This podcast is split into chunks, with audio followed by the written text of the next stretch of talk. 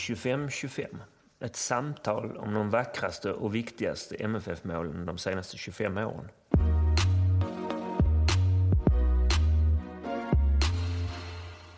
Mål 22.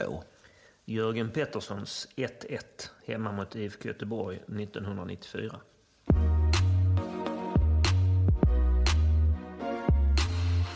Målet. Göteborg leder med 1-0 i en sorts allsvensk final kan man säga. Det är Stefan Linkvist eh, som har prickat in det här. Ett snygg halvvolley utifrån.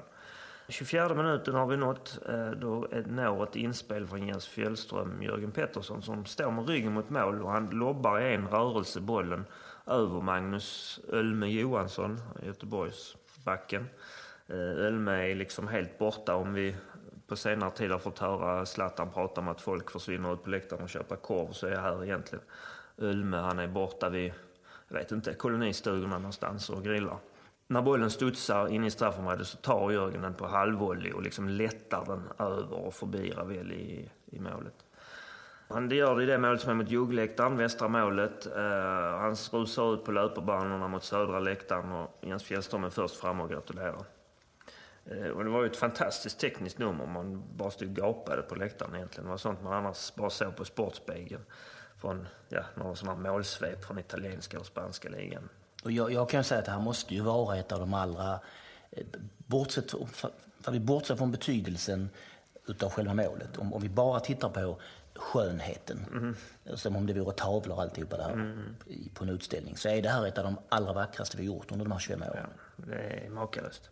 Och det skulle ju kanske, tycker man, förtjäna att hamna lite högre upp rent skönhetsmässigt på den här mm. listan. Men det faller då kanske ner lite grann på den platsen det har just för att eh, det har inte samma betydelse som vissa av de andra målen. Nej, precis. Det blir ju liksom en, en, en vacker tavla i en... Vad man ska säga? Det, hela tavlan är ful, men där finns en liten vacker detalj. och om det hade Ganska varit, stor vacker detalj. Om det hade varit så att det hade varit ett helt avgörande mål dessutom så hade vi ju nästan kunnat garantera en topp 5-plats. så är det nog. Läget i tabellen. Ja, vad betyder matchen? Var låg vi i tabellen? Henrik förklara. Just det. Vi är alltså år 1994, sista omgången 1994. Och läget är ju prekärt. Eh, nej, men då var det faktiskt så att det året så ledde vi med två omgångar kvar. Vi hade tagit ledningen i serien. Vi ledde en poäng före Göteborg och tre poäng före Örebro som ju är ett lag som ibland glimtar till. Och här var de med i guldracet faktiskt. Sen åker vi upp till Hammarby i den 25 omgången det är 14 lag då, så det är alltså slut efter 26 omgångar. Vi åker upp till Hammarby och gör en ytterst slät figur. Eh, förlorar den matchen och tappar eh, momentum och inte minst ledningen då. Så när vi går in i den här matchen eh, så leder Göteborg på 51 poäng. Örebro har, och vi har 49 var. Eh, och Örebro har betydligt bättre målskillnad än vad vi har. Så för att vi skulle kunna gå hem med seriesegern eh, så krävdes det alltså att vi skulle vinna den här matchen och också att Örebro skulle tappa poäng. Och de mötte Landskrona Boys borta. Jag minns det som en oerhört bitter förlust den här mot Hammarby omgången innan. Mm. Ehm, två mål där uppe, förlorade 2-0, två mål av Leif Strand. Just det. Som man då och nu har svårt att ens placera. Nej, jag vet inget om honom. Mer än dessa Mer än att han förstörde... Detta bittra eftermäle han har. Han förstörde alltså vår, vår guldchans 1994. Jag minns ju att eh, någon omgång innan så skadar sig Fedel och får gå ut och Karsten Olausson får komma in. Och det är Karsten som står i bortamatchen mot Bayern och är inte bra. Eh, och jag vet att jag är där uppe och vi spelar i någon gräsliga klarröda tröjor och vi är helt utspelade. Det känns som att Hans Eskilsson och den här Leif Strand kommer farande i princip fria hela tiden. De har en i, i stolpen, de har en i ribban. Vi har i princip inga chanser. Eh, jag var, minns att jag var fruktansvärt bitter efteråt. Att det var där, i näst sista omgången, alltså innan den här Göteborgsmatchen vi pratar om nu, att det var där som guldet gled ur händerna. Um, och, och när den här, det här tabelläget här då, visst vi hade ju kunnat vinna guld. Om vi vinner mot IFK Göteborg här och Örebro tappar poäng. Men ganska snart kom det upp 1-0 till Örebro. Och då var ju boys mer eller mindre uppgivna. Så att det blev aldrig den där äh, stora kampen mellan de två största lagen utan vi, vi var liksom bortputtade från, från scenen. Mm. Däremot kan man ju säga också att så länge det stod 1-1 så var ju faktiskt Örebro seriesegrare. Ja, just det. Och när man sen tittar efteråt på bilderna från TV-sporten så eh, ända fram till Göteborg sen gör sitt 2-1 mål i 70, någon, Femte. 75 ja, så står ju ÖSK-klacken och skanderar eh, Heja Malmö. Ehm, och sen ser de li, lite konstigt nog ut, förvånade ut när det kommer upp att Göteborg har 2-1. Inte ledsna eller bittra eller förbannade utan va?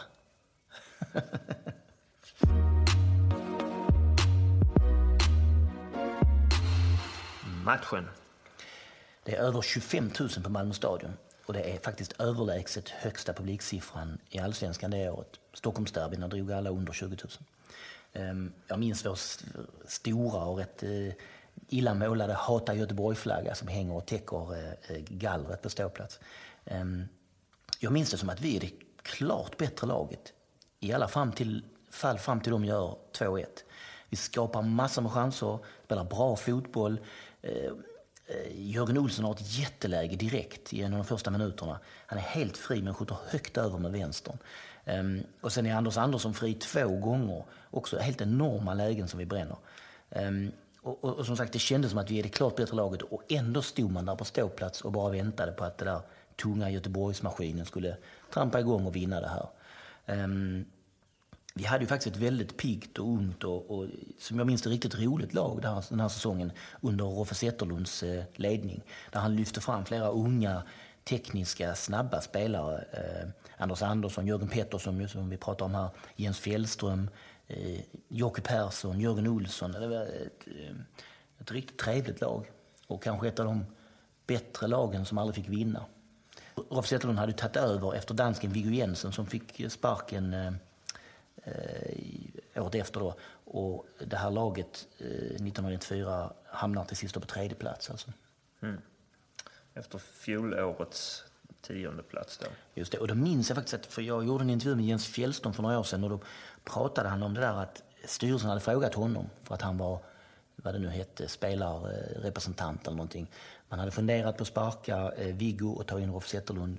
Och, ehm, Jens Fjällström sa att hela laget i princip säger samma sak och det är att det gör inte så mycket vem ni, vem ni har som tränare. För vi är så fruktansvärt vältränade efter den här säsongen med Viggo Jensen. Viggo har ju fått massa skit efteråt. Men det här säger alltså Jens Fjällström. Ehm, Så att vi, vi, vi kommer vara med och slåss om det nä- nästa säsong oavsett vem ni sätter som tränare. Då. Ehm, Då valde man ändå att sparka Viggo. Vad var det Matsens... eh, Nej, det var inte Matsen. Det måste ha varit Cavalli. Eh, Cavallis kommentar om att eh, de ville ha en rolig dansk. Var Viggo, Men han var ju fotbollsutbildad i Tyskland. Men istället fick vi en tråkig tysk.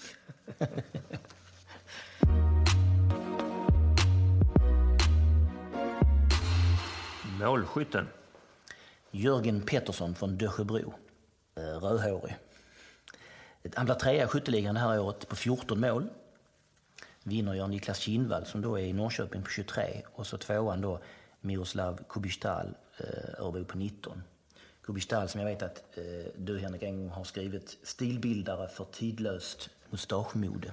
Just det. Ehm, Jörgen Pettersson var ju en oerhört bra anfallare där och då. Snabb, teknisk, eh, eh, målfarlig. Eh, en av de allra bästa anfallarna under de här 25 åren som det här, den här samtalsserien handlar om. Det får man nog ändå säga. Han gjorde en del landskamper också, även om det inte var under någon storhetsperiod i, i landslaget som så. Ehm, däremot det här året så känns det som, särskilt om man, man tittar lite på kommentarsfält och så nu för tiden, att ehm, det var en intervju med Hasse Eskilsson, gammal Hammarby-anfallare och var han nu mer har varit någonstans. I princip samtliga portugisiska klubbar på nedre halvan. Ja. Precis. Att han någon, i någon intervju där menade att Jörgen Pettersson föll enkelt. Och det var precis som det Det kändes ju då på läktarna, var vi alla yngre då, framförallt vi eh, som sitter här och pratar nu. Och eh, hade de yngre männens sätt att kanske se på världen lite mer svart och vitt än vad man gör nu i medelåldern. Men det var precis som den här Hasse Eskilsson-synpunkten fick fäste hos domarna.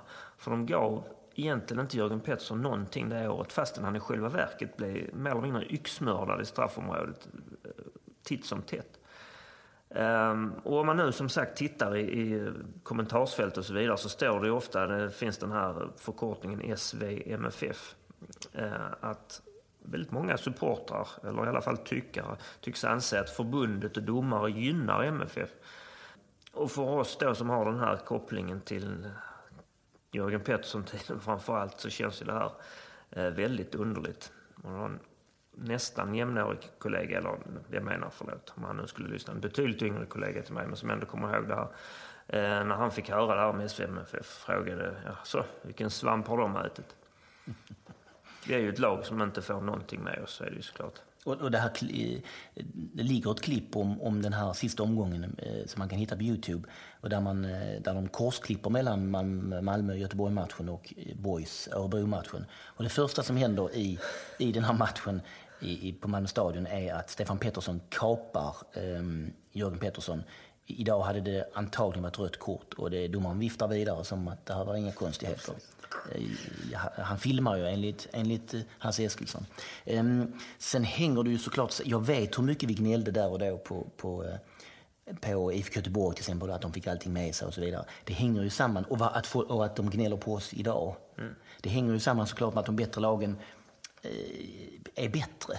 Och därför får de oftare frisparkar och straffar och vad det än är. Jag vet hur det var i England till exempel, där det var Stoke-fansen gnällde på Manchester United att ni får fler straffar. Och så var det någon Manchester United-sporter som hade räknat ut, ja för att vi är i straffområdet i tusen minuter varje match och ni är aldrig där. Mm. Därför får vi oftare straffar. Um, det hänger ju samman med att de bättre lagen eh, inte får domarfördelar, som IFK Göteborg väl inte fick då på 90-talet fastän det kändes så. Som vi inte får nu fastän vissa andra lag tycker att det känns så. Utan för att de helt enkelt har bättre spelare som kostar mer pengar. Mm. Um, ja. Jörgen Pettersson då, det är målskytten vi pratar om.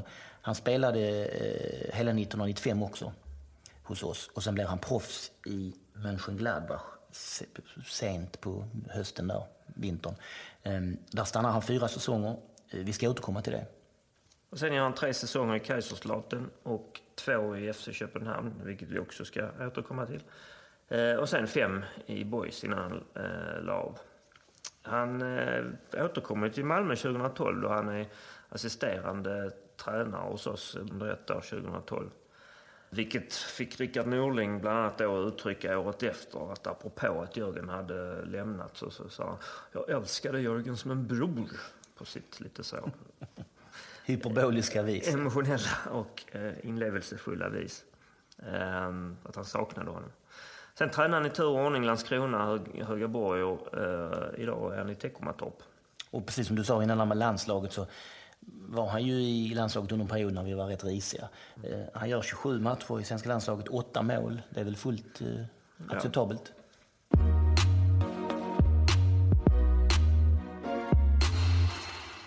Publikkrisen. 25 000 på läktaren. Över 25 000. Men den här matchen spelas ändå under det som är, kan karaktäriseras som publikkrisen i svensk fotboll. Publiksnittet i allsvenskan eh, det här året, 1994, låg på 4 800. Idag så är det ju ungefär det dubbla. Ehm, publiksiffrorna började sjunka i mitten av 80-talet. Och i mitten av 90-talet så var det katastrofsiffror. Jag minns ju till exempel den helt avgörande SM-finalen mot Norrköping 1989 helt, helt avgörande, en tredje SM-final. Eh, om vi ska vinna allsvensk guld eller inte, då kommer det under 8000 till Malmö stadion. Och, och, och rock bottom för allt det här är 1992. Då har vi ett snitt på, i allsvenskan på 4194. Och ja, tar man bort slutspelet som kom därefter och bara räknar allsvenska siffrorna så ligger alltså det allsvenska snittet 1992 på 3989. Och det är det sämsta publiksnittet sedan 1926. I omgång tre Eh, så möter vi AIK hemma. Vi har börjat med två raka segrar. Matchen slutar 2-2. Publiksiffran är 1082. 1082 personer eh, i omgång tre hemma mot AIK 1994. Det är den sämsta publiksiffran i allsvenskan genom tiderna för oss. Kanske jag har fel, men det, det, jag undrar om inte den krockar med en MIF-match ja, eller sånt Det är så att MIF ja, spelar femte och avgörande SM-final mot Modo några hundra meter bort. Ehm, så visst, det kan man ju säga då, det här var en engångsföreteelse eftersom det var en sån stor annan sporthändelse i den här stan som aldrig händer annars. Men Eh, då fortsätter jag. I omgång fem möter vi Häcken hemma inför 2229. I omgång åtta möter vi Hammarby hemma inför 2334 betalande åskådare. Och i omgång 15 möter vi Halmstad inför 2205.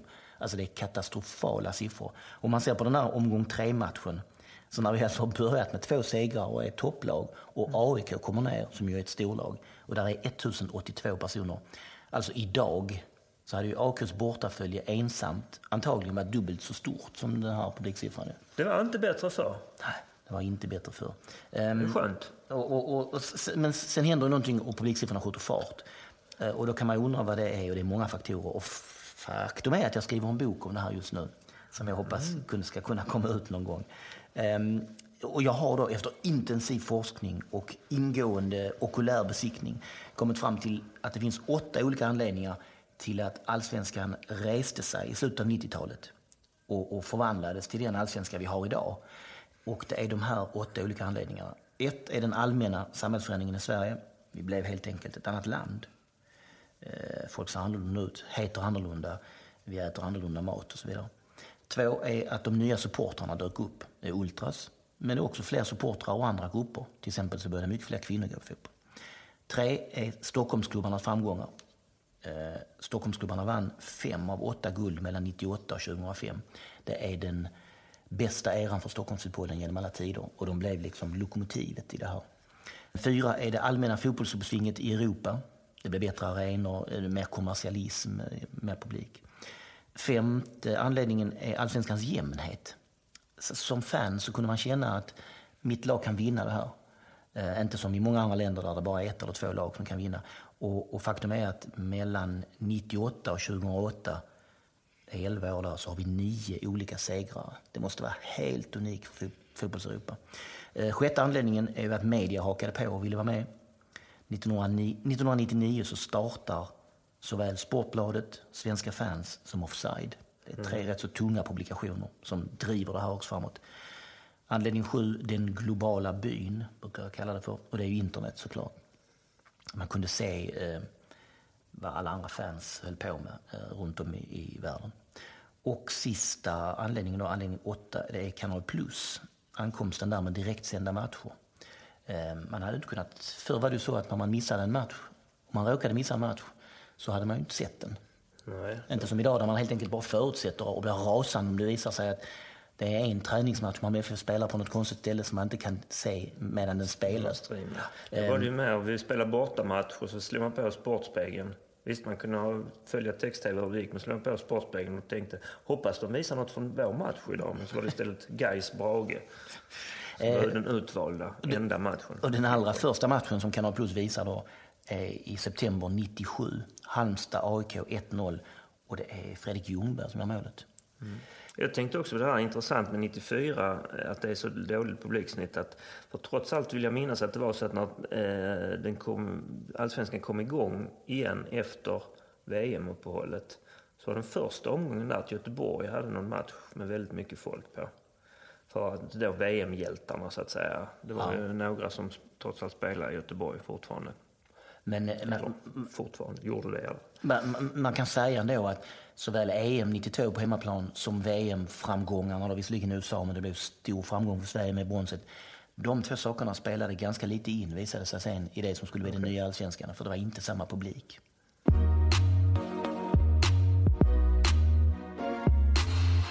När motståndarna tar guld på egen arena. Den här samtalsserien, ja, eller podd om, om ni så vill, eh, Eh, väjer sannoliken inte för de allra jobbigaste frågorna här i livet. Och en av dem är ju när motståndarna säkrar guldet på den egna arenan. Mm.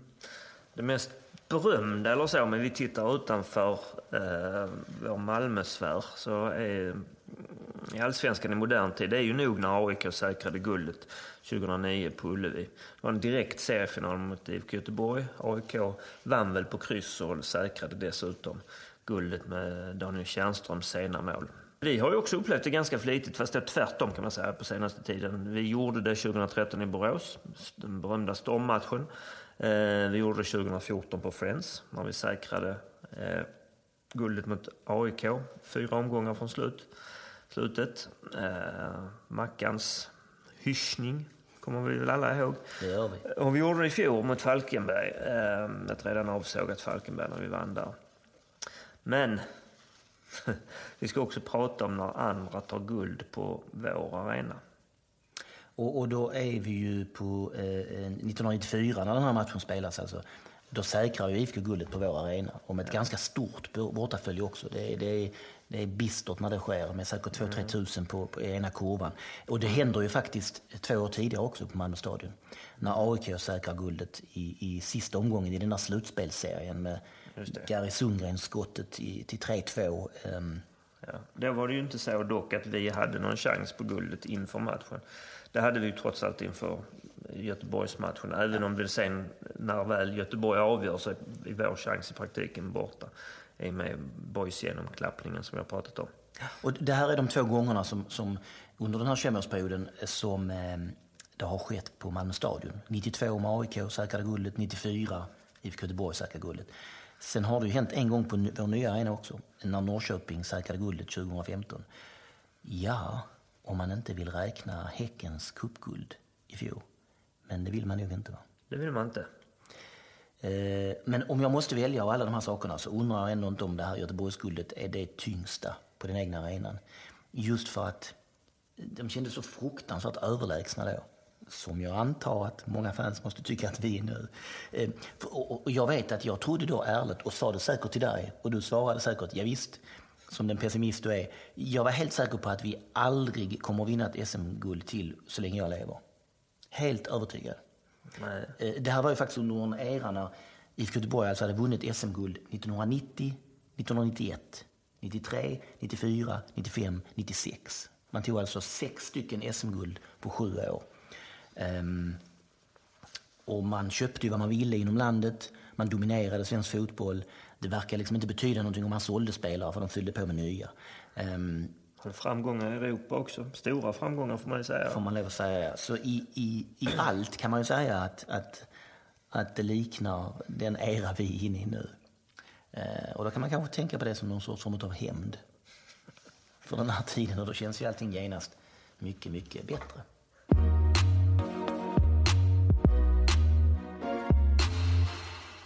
Mer om målskytten. Ja, eh, 94 tar alltså slut med det här. Eh, Jörgen spelar vidare hela 95 som vi var inne på innan och får då en ny anfallskamrat. Eller som man brukar säga, en ny lekkamrat i anfallet. Nämligen Gregor Andrejevski som har gjort bra ifrån sig i Landskrona Boys 94 och som kommer till oss 95. Och inför säsongen så minns jag att de i någon intervju sa att vi ska göra 20 mål eh, var i, i år. Jörgen kommer ju faktiskt ganska nära. Han tampas om skytteligasegern det här året 95, som alltså pratar om. Han når till sist 15 mål. Vinner jag Niklas Skog på 17, men må honom vara väl lunt. För Gregor går det sämre. Jag minns tydligt en miss han gör eh, på en jättechans mot Halmstad. Han rullar bollen utanför. Men han hinner inte spela så särskilt många matcher innan han blir toksågad eh, i den famösa förlusten mot HIF bortaplan. Oj, oj, oj, oj. Jag undrar också... Ola Nilsson. Precis, ja. Den skiten, den skiten. eh, sen undrar jag, är det, är det fler än jag som eh, fortfarande har lite styng av bitterhet att Jörgen Pettersson valde FCK när han vände hem där 2002 från Kaiserslautern. För då var han bra och då hade han liksom en eh, sju tunga säsonger i Bundesliga i benen och, och var en solid anfallare. Och då hade vi börjat bygga ett nytt lag som han skulle kunna vara en del av. Och inte så gammal. Nej, han hade kunnat göra ett riktigt avtryck då, men icke. Han valde alltså FC Köpenhamn istället. Det minns jag att jag då var väldigt bitter och idag fortfarande har en liten sån tagg eh, i hjärtat. Eh, en annan sak vi måste prata om är ju Jörgens musikkarriär. Där alltså eh, han spelar med bandet Soul Weeper med kompisar från Landskrona. Jörgen var ju trummis från början. Jag minns när han eh, blir köpt av Mönchengladbach och flyttar iväg att han eh, berättar för Sydsvenskan att han ska ta med sig trumsetet. Konstiga byxor på sig, det reportaget. ja, överhuvudtaget så är det en sak vi inte pratar om när det gäller Jörgen Pettersson under de här åren, och det är hans klädstil. Eh, vi helt enkelt håller oss borta från det. Men eh, han tar med sig trumsetet ner. Men eh, har lirat gitarr innan också och kommer mer och mer in på gitarr. Så idag är han gitarrist. Och det här då, Soul Weeper, har släppt två EPs de senaste åren. 2015 och 2016. Bägge EPerna finns på Spotify om man vill lyssna. Det är eh, rätt så bredbent, tung rock. Jörgen spelar gitarr, alltså riffigt, rockigt. Och, eh, jag har ju jobbat i många år som musikkritiker. Men... Eh, Inte riktigt din kopp te. nej, jag hade nog eh, sagt till redaktören att eh, nej, det här är nog för att hitta någon annan som kan skriva om detta för att det här är inte min, eh, inte min eh, genre.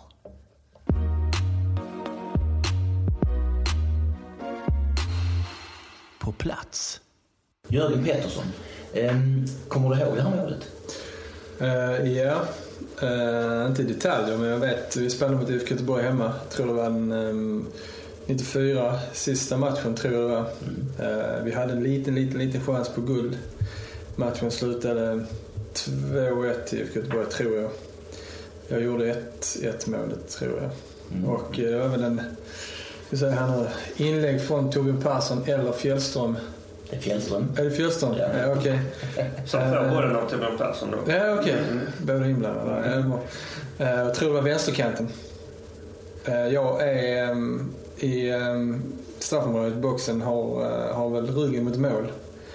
Och jag får, ja, Fjällström får in bollen och jag eh, får för mig att jag ska göra det jag gör. Och sen eh, lyckas jag och sen vet jag att eh, det var Ravelli som stod.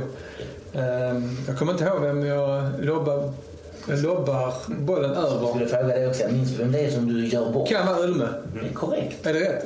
Ja. Eh, eh, och sen Ravelli kommer ut, kommer jag ihåg. Sen tror jag chippar över eller något sånt. Han och sen ja, ligger bollen i mål. Så att, ehm, ja.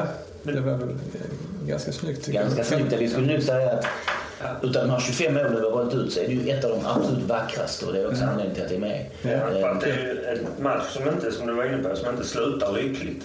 Nej. Men eh, det kommer med ändå för att det är så fruktansvärt. Ja, exakt. Och som du, du sa här nu att eh, jag får för mig. Alltså det är någon form av tanke för det känns ju som en...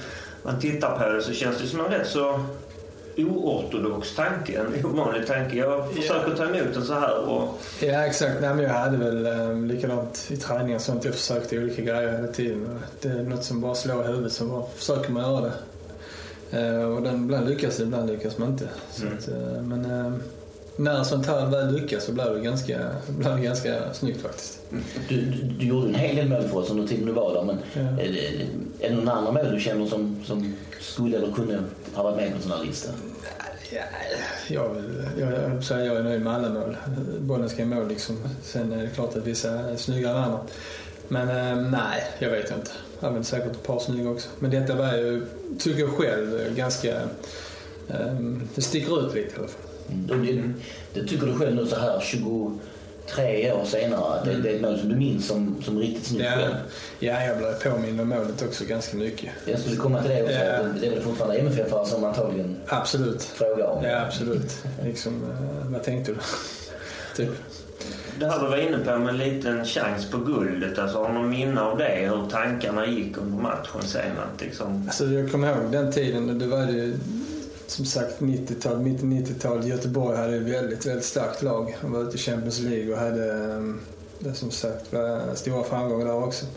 Så, eh, och de, de var väl två, tre poäng före. Jag tror Örebro eh, var också eh, där och nosade. Jag vet inte om vi blev två eller trea. Jag kommer inte ihåg. Trea. Trea, ja. Men det var som att vi var beroende av att Örebro skulle Ja, tappa poäng med boys också. Exakt, ja. Jag tror de vann den där också. Så att, eh, minimala chanser, men det var en liten chans i alla fall. Så att, eh, ja. Du pratar om Göteborg. Du kommer ju fram i Malmö FF under en era just när Göteborg är väldigt dominanta. Hur, hur liksom, tänkte man på det? Hur upplevde man det? Att det här var ett lag som ju vann SM-guldet eh, nästan alla år där. Nej, Jag tror året där, 93 så hade väl MFF ganska tufft tror jag. Med, med Viggo Jensen Ja. där. Ja, och, eh, och jag, jag tror jag kom in där i slutet av de här fem, sex sista matcherna i 93. Eh, Och, då, och det gick bra. Och sen, eh, ja, sen 95, så, eller 94 fick- kom då Rolf Zetterlund dit. Mm.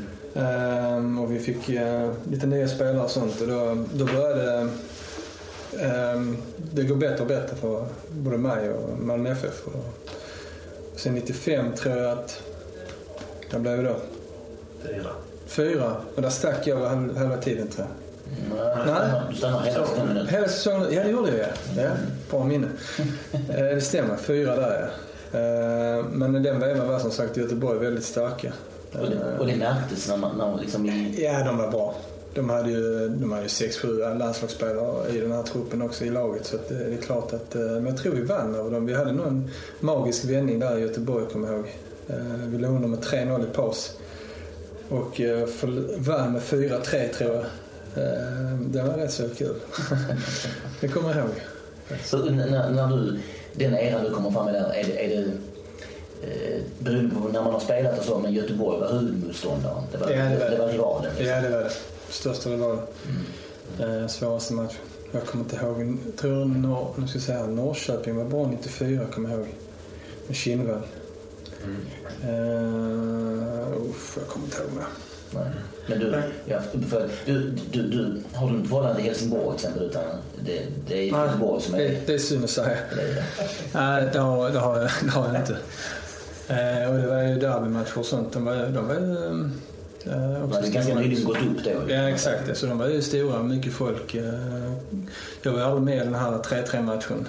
De spelade eh, på Gamla stadion där. Eh, Där de Malmö också vände va? Till under med 3-1 eller... Ja. Och hur gammal är du när du kommer till Malmö FF? Alltså jag är, eh, jag är 16 år. Mm.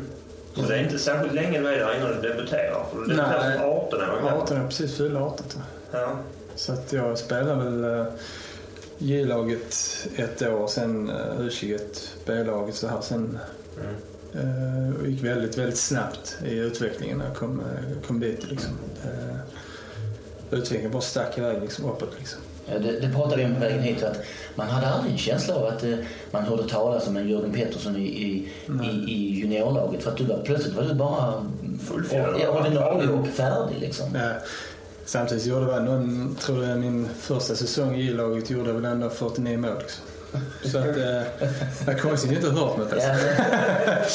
Nej, men det, det är alltså träningen jag fick. Eh, jag fick där jag kom dit eh, hade jag Åke Kallenberg eh, i Skånelaget. Det var på den vägen jag kom till Malmö FF. Jag var sommarproffs också. Eh, så att, eh, men det tog, eh, det tog inte lång tid förrän liksom, jag, jag växte. Så att, eh, för vi, vi, vi pratade om att du debuterade 93 under Viggo.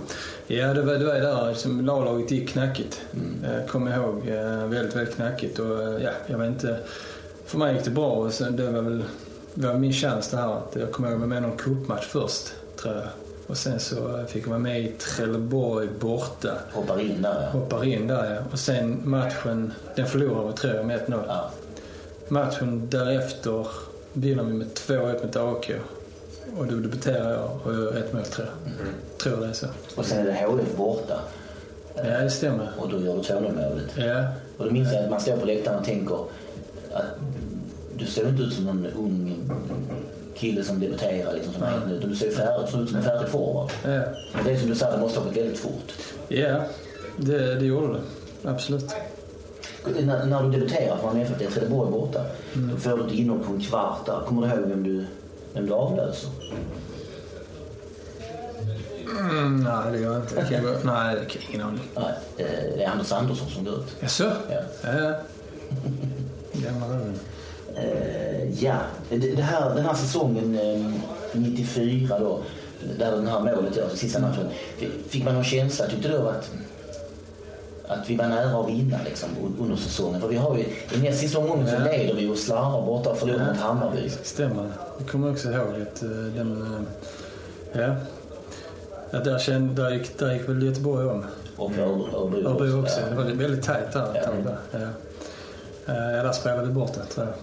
Men hade man någon feeling annars under att det här kan gå vägen liksom, Ja, absolut, det hade vi. vi. Som sagt, vi hade ju spelat bra hela året. Vi, vi var på gång liksom. Det kommer jag ihåg. Eh, Men jag, tror, jag kommer också ihåg att det var en tung, tung, tung känsla när vi förlorade mot Hammarby borta.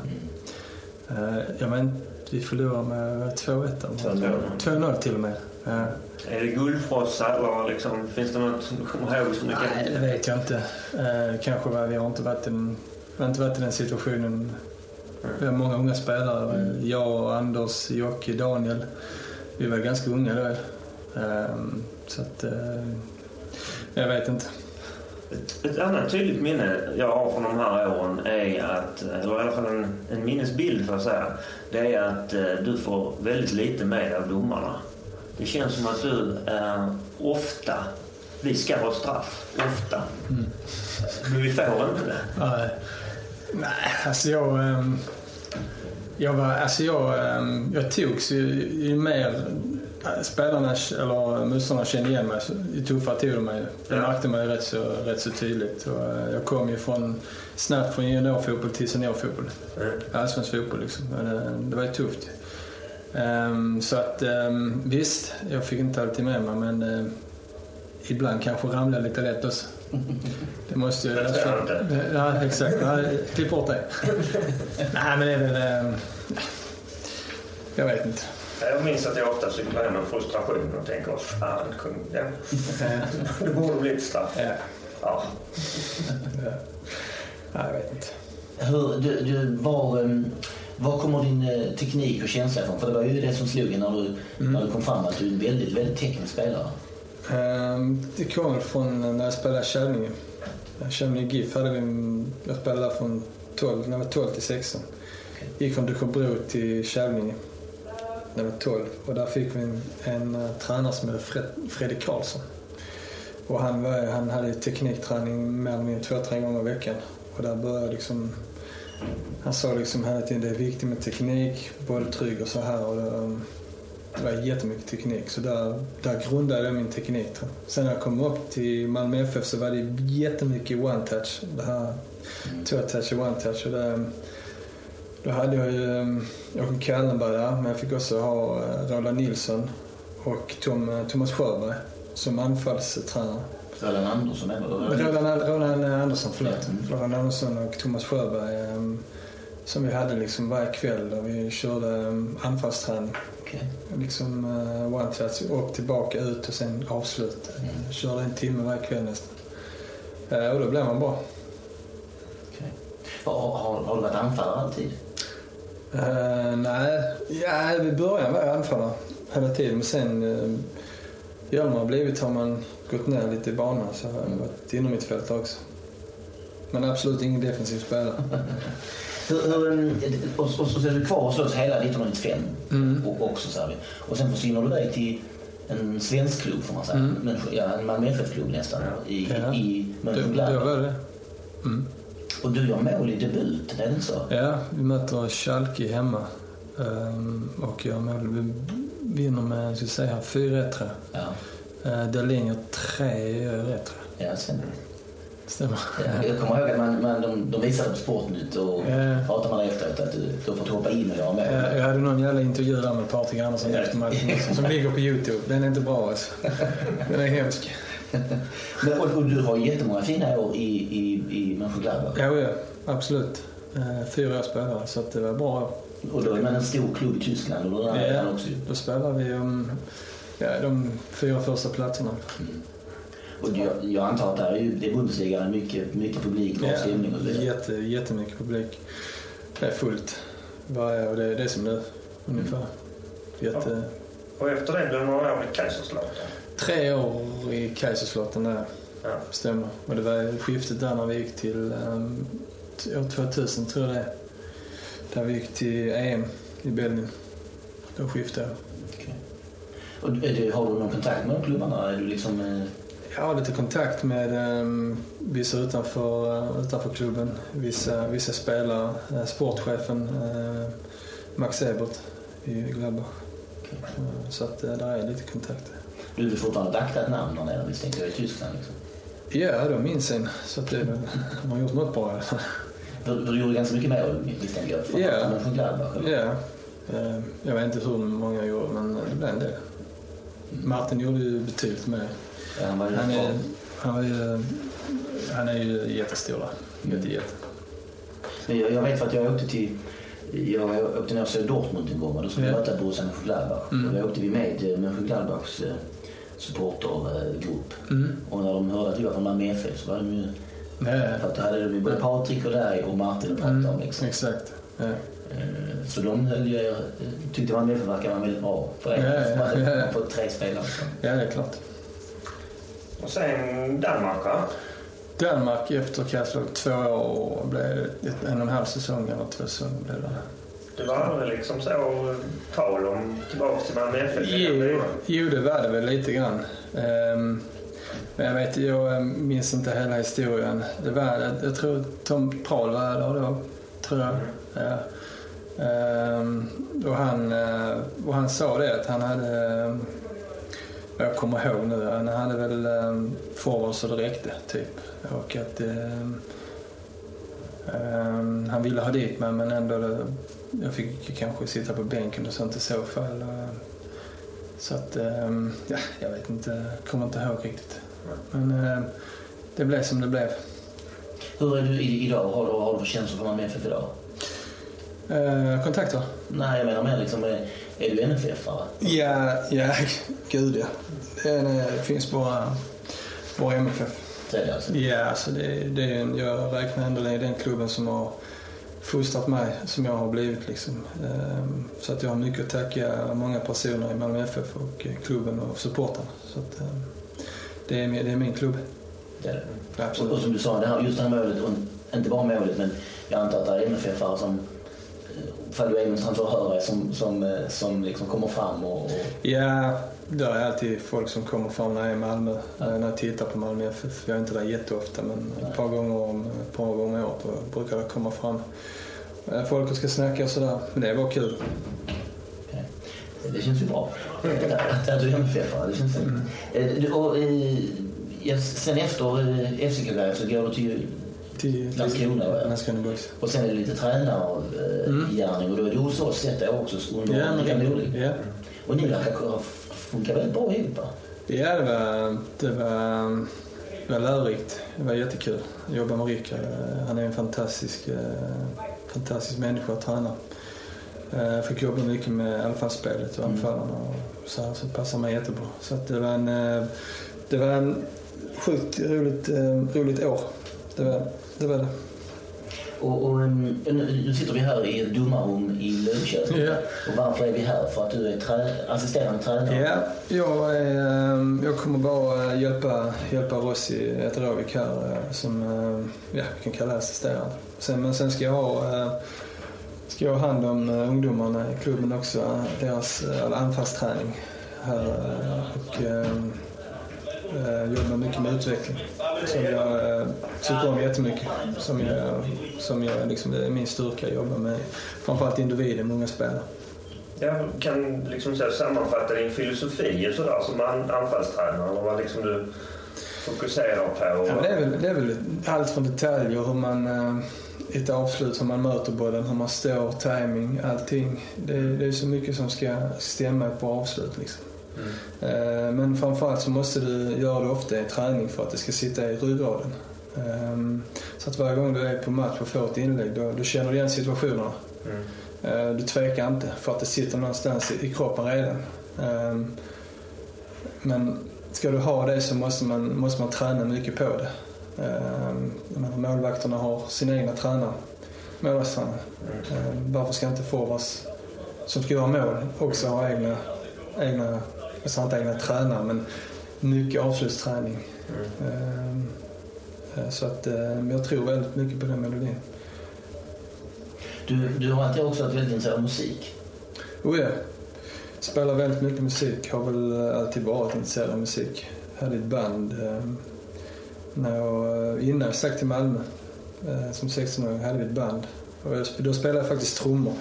Men jag flyttade ju till en etta så det, det gick ju liksom att ta med trummorna där. Så, att, eh, så köpte man gitarr istället. Och lirade ganska mycket gitarr och tog med gitarren till eh, Tyskland. Och så. Jag minns man något reportage om att, om att eh, om man Ja. proffs att gitarren skulle med till Tyskland. Ja, visst. Ja, visst. Så att, um, då har jag spelat själv. Uh, hade även trummor i Tyskland också i och för sig. Men eh, musiken har levt med hela tiden. Lyssnar väldigt mycket musik. Sen när jag flyttade hem ehm, till Landskrona Eh, Då 2003-2004 där så startade då bandet som vi även har idag. Det är då. Ja. Mm. Det är fortfarande aktivt alltså. Absolut. Mm. Vi ehm, släppte en ny låt på Spotify idag faktiskt. Idag? Ja. Ja. Make My Enemy heter den, så in där och lyssna. Ja. Lyssnar på så att... ehm, Du, du, du verkar gilla eh, ska man säga, rock, lite hårdare rock, eller? Ja, vi spelar ju, vad ska man säga, rock, hårdrock, tung, tung rock. Mm. Så att säga. Vi gör musiken själv. eh, Jag gör ganska mycket av musiken. Eh, Så att, eh, men det är, en- det är en, vad ska man säga, en, en hobby men ändå en allvarlig hobby.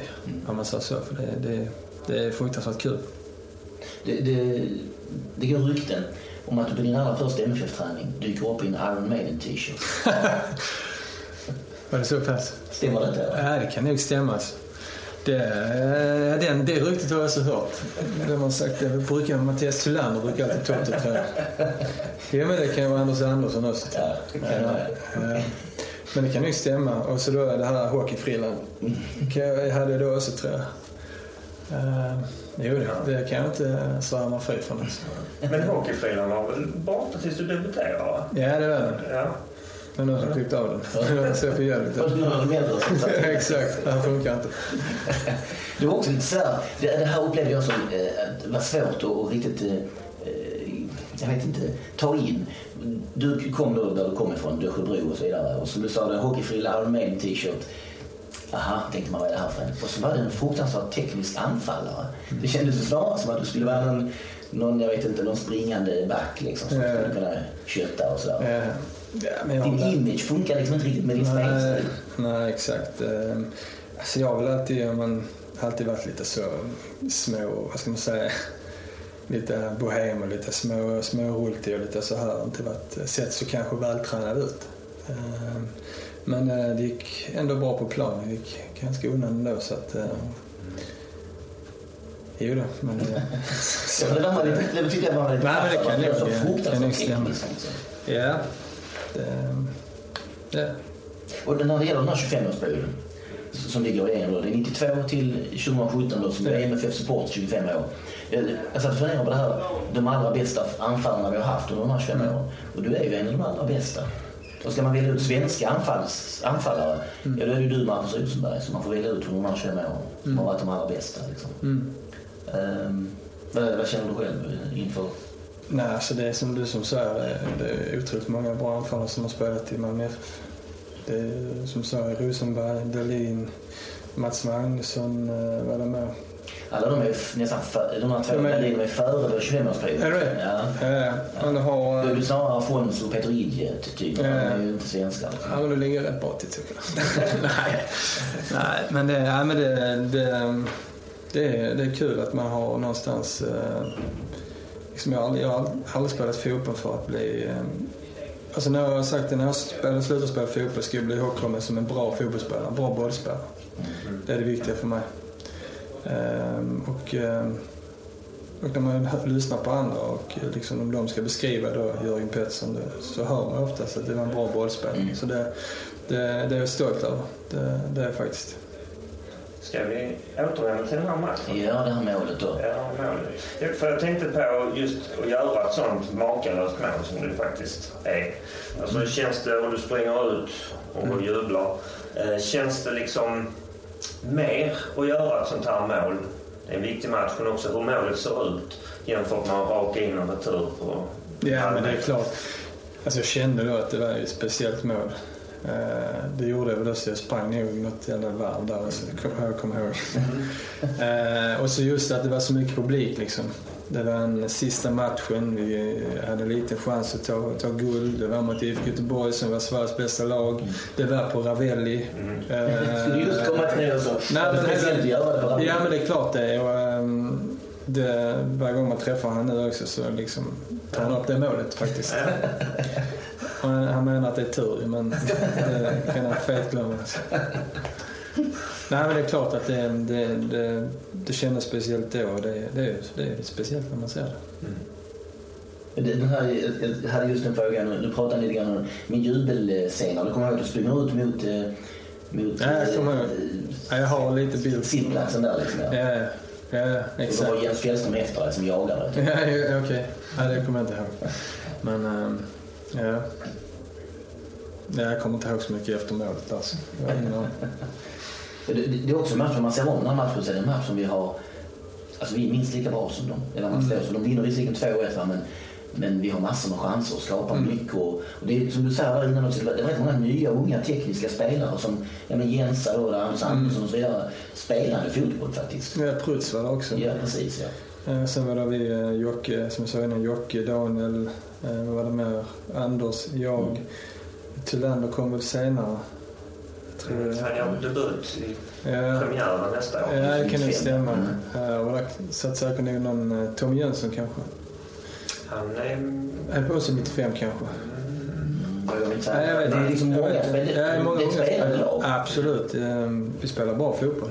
Absolut. Det, det tycker jag. Så att... eh, Vad hade Rolf där som tränare? Mm. Ja, vad är dina känslor inför honom? En eh, underbar människa. Eh, som som sagt eh, lät mig... Eh, det var i och för sig Viggo som jag fick chansen av. Mm. Men sen fortsatte Rolf att tro på mig. Och, eh, hade fria tyglar eh, från han liksom. Och, han är en väldigt, eh, väldigt härlig person. Jag, minns en intervju med honom faktiskt han, bara för några år sedan, nu har han ju lagt av då Mm. tränare, men han eh, var väldigt glad för det där med MFF-laget med de unga spelarna som han menade Mm. att han på något vis eh, hjälpte fram lite grann. Och då räknade han upp bland annat där ju. Ja. Ja, det är klart att han gav oss... eh, Det ska, man ska vara stark som tränare om man ska liksom våga skjutsa fram uh, unga spelare. Ehm, och det, det gjorde han liksom. Men vi hade också en bra stomme som så Prytz och Nylén och eh, de här Tobben Persson och Fjällström som var lite äldre.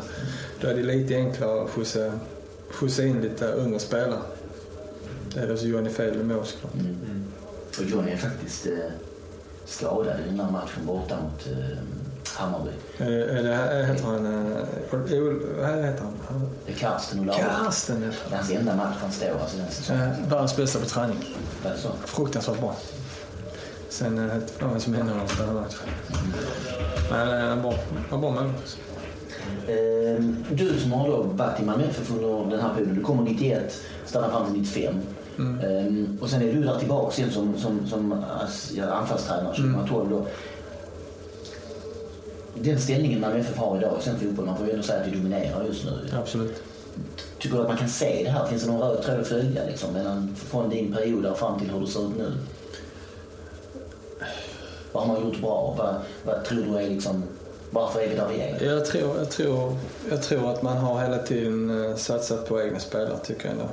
Man har eh, haft en röd linje att ungdomsverksamheten är väldigt, väldigt viktig. Man vill ha fram eh, unga spelare, egna spelare. Eh, sen är det klart att man tar steg hela tiden. Nu är de där de är och, och då är det som ung spelare väldigt svårt att ta, ta, ta sig in liksom. Eh, i MFF är det fruktansvärt bra ungdomsspelare i akademin och så här men det ska mycket till till man tar hela steget upp för när man är där med MFF så köper man in kanske lite klarare spelare. Ehm, så att eh, det blir tufft, tufft för de unga spelarna att ta sig in. Ska man, ska man in i en A-trupp i Malmö FF så ska man vara riktigt bra. Mm. Samtidigt måste man eh, också våga satsa på de här unga spelarna. Eh, Men jag tycker de gör det bra, Malmö. De eh, spelarna som är på gränsen, som inte riktigt platsar i en A-trupp, de lånar man ut Mm. eh, och får en boost där liksom. Och sen förhoppningsvis kommer tillbaka igen och, och kan leverera. Så att... ehm, nej, jag tycker de gör det bra. Hur, hur, när du kommer till då 91, var det, var det ett stort steg att komma till Malmö FF? Och, Jag menar med träning och allting. Det Jag kom från lilla Brunnhålan, Dösjebro. Det är klart att sen flytta till Malmö, egen lägenhet, 16 år. Eh, Det är klart att allt, allt det liksom var stort ju. Sen då komma till Malmö FF, eh, största klubben, jag tyckte man då i Sverige. Eh, Det var ju hur stort som helst. hur handskades du med 16-åringen där? Och, Kunde du laga mat liksom?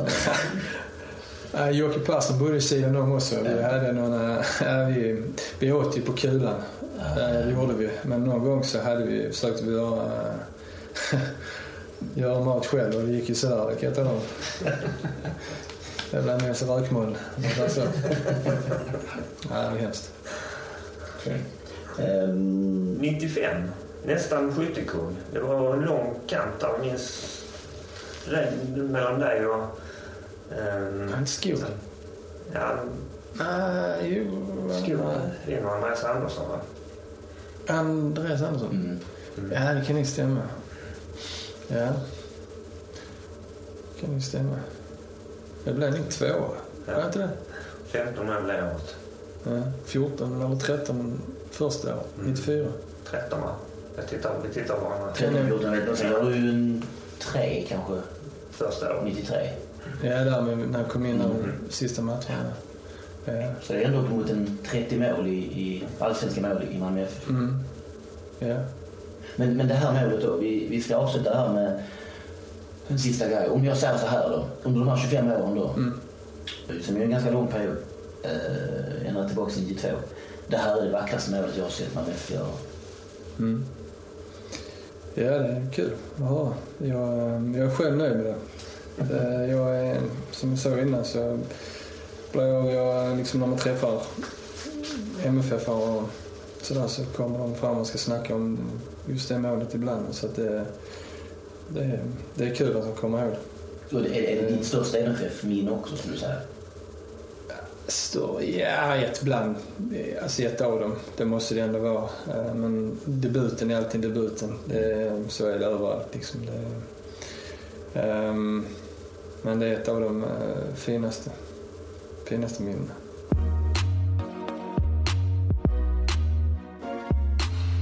Skyttekungs eh, tillägg. Just det, vi pratade med Jörgen här i slutet om eh, vem som vinner skytteligan 1995 att han själv blir tvåa. Och, eh, vi låter ju, framförallt jag, låter lite förvirrad.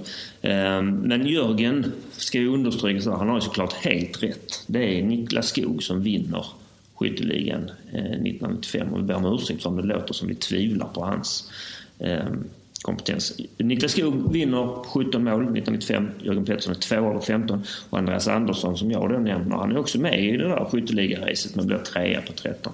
Och en, en anledning till att vi är lite förvirrade är kanske för att året efter, skytteligan 1996, den vinner Andreas Andersson. Just det. Rätt så klart med 19 mål eh, för IFK Göteborg.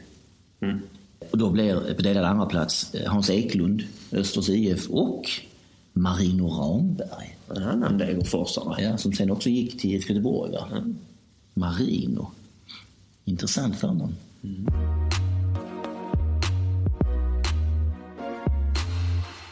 Kluriga frågan. Jag känner att jag får fjärilar i magen direkt så. Ja, för nu har vi kommit till den avdelning i den här samtalsserien där jag har förberett en ganska svår fråga till en helt igenom oförberedd Henrik. Så här kommer den. Vem har flest SM-guld genom tiderna och hur många är det?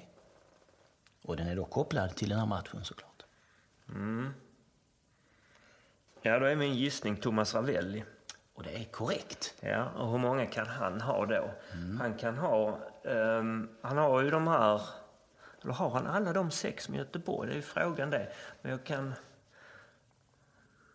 eh, För, jag tror att han har SM-guld med Öster också nämligen, från början på 80-talet. Så här långt har jag ingenting att invända. Eh,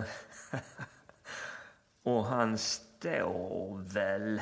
Ja, det måste han göra när de vinner 87 också. Ska vi dra till med nio då? Han har åtta. Ja. Mm. Ja, det är bra ändå. Han har eh, två SM-guld med Öster. Han Ja, har okej. sex med IFK Göteborg. Okej, han stod inte 96 då kanske? Eh, jag vet vi, inte. eller stod han inte? För dem, de vinner 87, är det visst är det han? Är det inte Är det? Wernersson kanske då? Ja, det är det kanske, ja. Just det, han kom kanske där efter ja, det. gjorde han. Gjorde han. Ja, såklart, för att han står för Öster när Martin Dahlin gör mål Ja, mot dem. det blev ett jäkla 88. liv. Ja, just det. Eh, stämmer. Han har alltså... Ja, eh, där tänkte jag fel. Ja, Förlåt. Men, eh, korrekt ändå. Thomas Ravelli, åtta SM-guld. Eh, mest genom tiderna. Det är två med Öster och det är sex med IFK Göteborg. Och för något tag sedan så eh, skrev jag om det här på Twitter. Jag spekulerade lite grann själv. En, en ganska sen natt. Vem är det som har flest SM-guld egentligen? Det, är, det borde vara Ravelli med åtta va? Och då svarade Ravelli själv. dök upp i flödet. Ja, det är jag. Ja, och då, då skrev han att eh, han var väldigt trevlig och sympatisk måste jag säga. Och då skrev han att han retade sig lite grann för att han tycker själv att han borde ha åtta och ett halvt, eller nio som du säger då. Eh, han var reserv 1978 för Göran Hagberg i Öster när de vann. Men reserverna, alltså reservmålvakterna, satt ju aldrig på bänken och fick inga medaljer. Men han var liksom med i den där uttalade truppen Öster hade inför det. Så Okej, han har, men det var så- inte så jag tänkte som sagt. Nej, precis. Men han, han, han, han konstaterade själv att han tycker att han har åtta och ett halvt. Ja. Eh, hans tvillingbror Andreas har två SM-guld med Öster under de här åren också. Och faktiskt upptäcker jag eh, när jag researchar att storebror Stefan Ravelli har ett. Va? Ja, det är ungefär samma min jag gjorde när jag läste det. Va? Ehm, med Öster 1978 då han gjorde en match. Okay. Han var back. Och då flest SM-guld för oss, om vi lämnar Thomas Ravelli åt sitt öde. Flest SM-guld för oss är eh, sex SM-guld. Det är Busse, Christer och Puskas. Och då ska man notera att Puskas har fem med oss och ett med Åtvidaberg.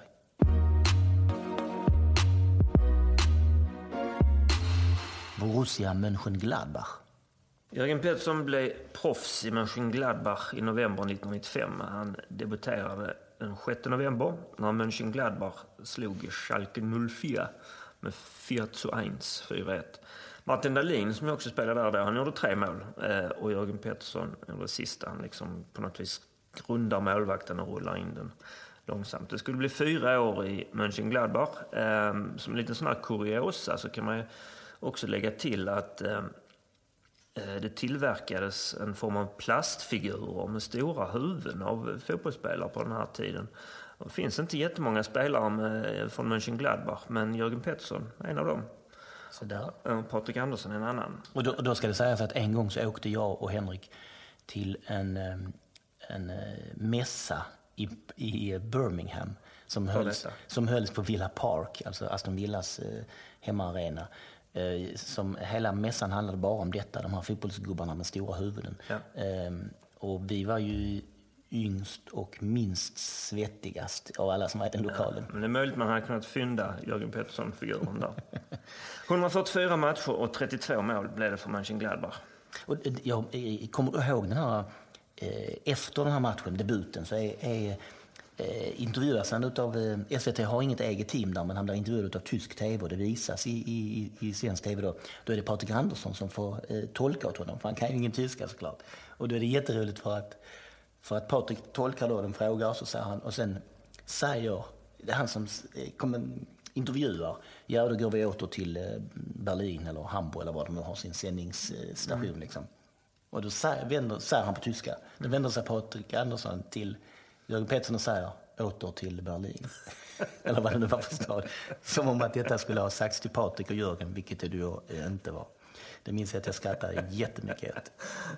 Eh, jo, Wir eh, fahren zurück nach Berlin. men eh, jag minns också en, en, en resa jag gjorde till Dortmund 2012. Vi hade blivit inbjudna av Mönchengladbachs eh, fans för bortamatchen där, en, av de- en av de sista omgångarna. Jag tror det är tre omgångar kvar.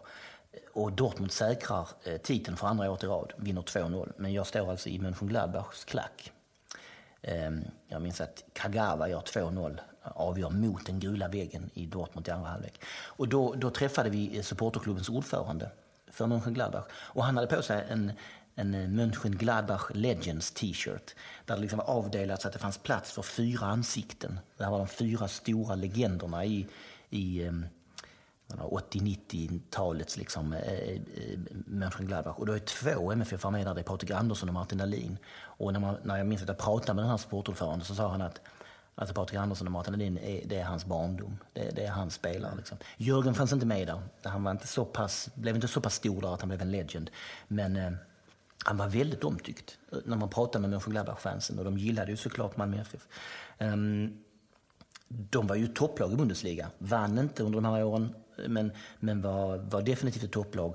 Och jag minns att de vann tyska kuppen 95. Den visade de eh, om, målen, i alla fall på tv, där Dahlin gör ett och där Patrik Andersson och, och Stefan Effenberg som var i laget då um, eh, styrde det laget. Och jag, jag minns sen när, när, när Patrik Andersson eh, kom, hade kommit hem och han sen hade lagt av. Han hade skadat sig och kommit tillbaka. Så han hade lagt av. Då hade vi en, en kväll med honom med MFF Support, där jag intervjuade honom från någon scen då. Och då, bland annat ställde jag den frågan om att jag tyckte det var lite konstigt att, att han då, Patrik och Stefan Effenberg var kompisar. Eftersom Patrik är världens lugnaste, tryggaste, trevligaste människa och Stefan Effenberg egentligen bara visar röven för alla när, när han blir sur. Och, och, och Patrik hade liksom inte riktigt något bra svar på det mer än att han bara räknade Stefan Effenberg som en av sina allra, allra bästa vänner. Och, och han erkände att de, att de var väldigt olika varandra. Ja, andra MFF-klubbar utomlands då? Vi har ju varit inne på, eh, du är bättre på att uttala den här, jag säger bara Genklorbirligi. Vill du säga Gencherbirligi? Jag försöker säga det på turkiskt vis och jag, och jag tänker mig att längre fram i den här samtalsserien så ska jag kanske höra med någon turkisk kompis exakt hur du ska uttala Ja, så att vi får rätt på det. Men det är alltså då Gencherbirligi. Ja, Gencherbirligi. Och det intressanta där är att vi kan klippa in det här. Vi kan klippa in den turkiska rösten ovanför alla gånger vi säger det. Vilket då får i sig det här jag säger nu klippas bort överhuvudtaget. Där har vi bland annat Labinot Tarbusi spelat. Vi har eh, Agon Mehmeti där nu. Vi har Johan Dahlin. Eh, vi pratade om Toki Loranti innan här. Eh, vi har Benfica. Det känns ju också som en sån riktig Malmö FF-klubb som, som just Mönchengladbach och, och Gençlerbirliги. Benfica där ju Mats Magnusson, Schwarz och Tern alla dök upp vid ungefär samma tidpunkt. Och senare då också Anders Andersson. Tyvärr har vi också FCK. Köpenhamn alltså, där ju Robin Olsen och Erik Johansson är, eh, där Jörgen Pettersson då, som vi pratade om, kom tillbaks till. Där Junior var en vända, Roland Nilsson tränade det, Idje var där också en, en vända. Eh, där finns säkert någon till som jag har glömt eller förträngt. Ehm, där är Bari. Nu är vi nere på spelare där vi bara haft två spelare på. Men Bari var ju en, en, en liten konstig förening långt ner i södra Italien. Och, ehm, de var inte speciellt bra, men just under den eran när Daniel Andersson och Yxel var där så hade de sina största framgångar någonsin. Eh, och sen har jag letat fram Karlsruhe, där såväl Lasse Granström som Thomas Sjöberg spelade. Det är två rätt så tunga Malmö FF-profiler. Eh, och sen kan man ju leka med det här och, och säga varför inte Barcelona där Patrik Andersson och Zlatan var. Eh, men eh, då är vi kanske inne på lite väl Ja. djupt vatten. gjorde var kanske inte de klubbarna de gjorde sina största avtryck i. Men eh, Borussia Mönchengladbach får väl anses vara en riktigt tung Malmö FF-klubb där ute i vida världen. Heerenveen kan man också. Kan man säga också. ja. Mm.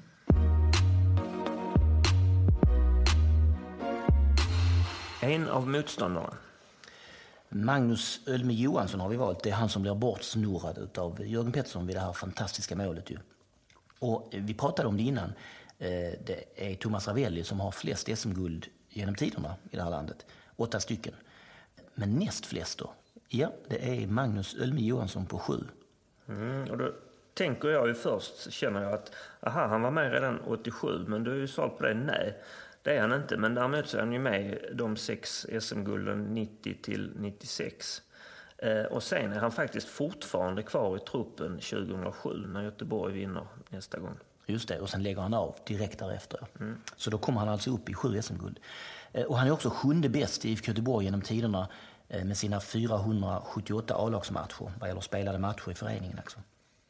Och då hade han även en period under något år när han är proffs i Holland nere i Groningen. Han var ju ett råskinn där bak. Han var ju ingen spelare direkt utan eh, eh, en rätt trist försvarare. Eh, Men han, han, han fick ju lite upprättelse i, här nere i MFF-kretsar efter att ha satt den där straffen till 1-1 för IFK Göteborg mot Halmstad i sista omgången 2004. Som ju de facto betydde att vi plockade guldet. E- Efter det så fick han lite stämpel av en, eh, en hedersknyffel. Eh, Och jag vet att Bengt Madsen berättade att man hade skickat upp en låda, en, en låda eh, champagne till Kamratgården efteråt för att de hade krigat och kämpat och tagit en poäng av Halmstad, vilket ju var nödvändigt för att vi skulle ta guldet. Och man hade speciellt hälsat till Ölme. Så jag, jag hoppas att Magnus eh, fick dricka den där eh, champagnen efteråt, för, för det var han värd. Eh, Och som man kan tänka sig då, så kommer ju Magnus Ölme Johansson från Ölme i Värmland. Därav smeknamnet. Han startade karriären i just IFK Ölme. Och han står noterad för en A-landskamp. Jag har inte kunnat hitta vilken det är och jag kan inte se det framför mig heller. Och jag kan inte hjälpa dig där. Gissningsvis en träningslandskamp. Så är det. Idag så är han 45 år och är VD för Profilmontage, eller då Profile Montage, vi vet inte, som ju eh, sysslar med solskydds och uterumsteknik. Eh, och där kallas han just Magnus Ölme Johansson på deras hemsida.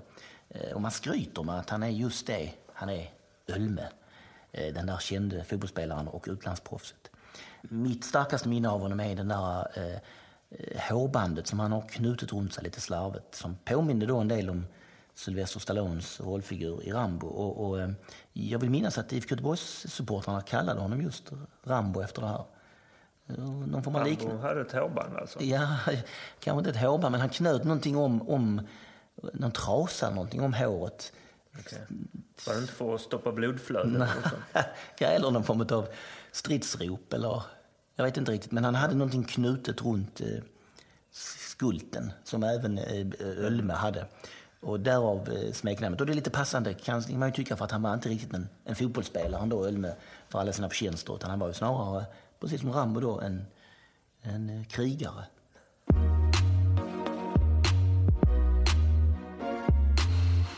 Vi som gör den här samtalsserien heter Tony Ernst och Henrik Zackrisson. All musik och alla jinglar är gjorda av Gabriel Ernst. Podden är klippt av Martin Ringstrand.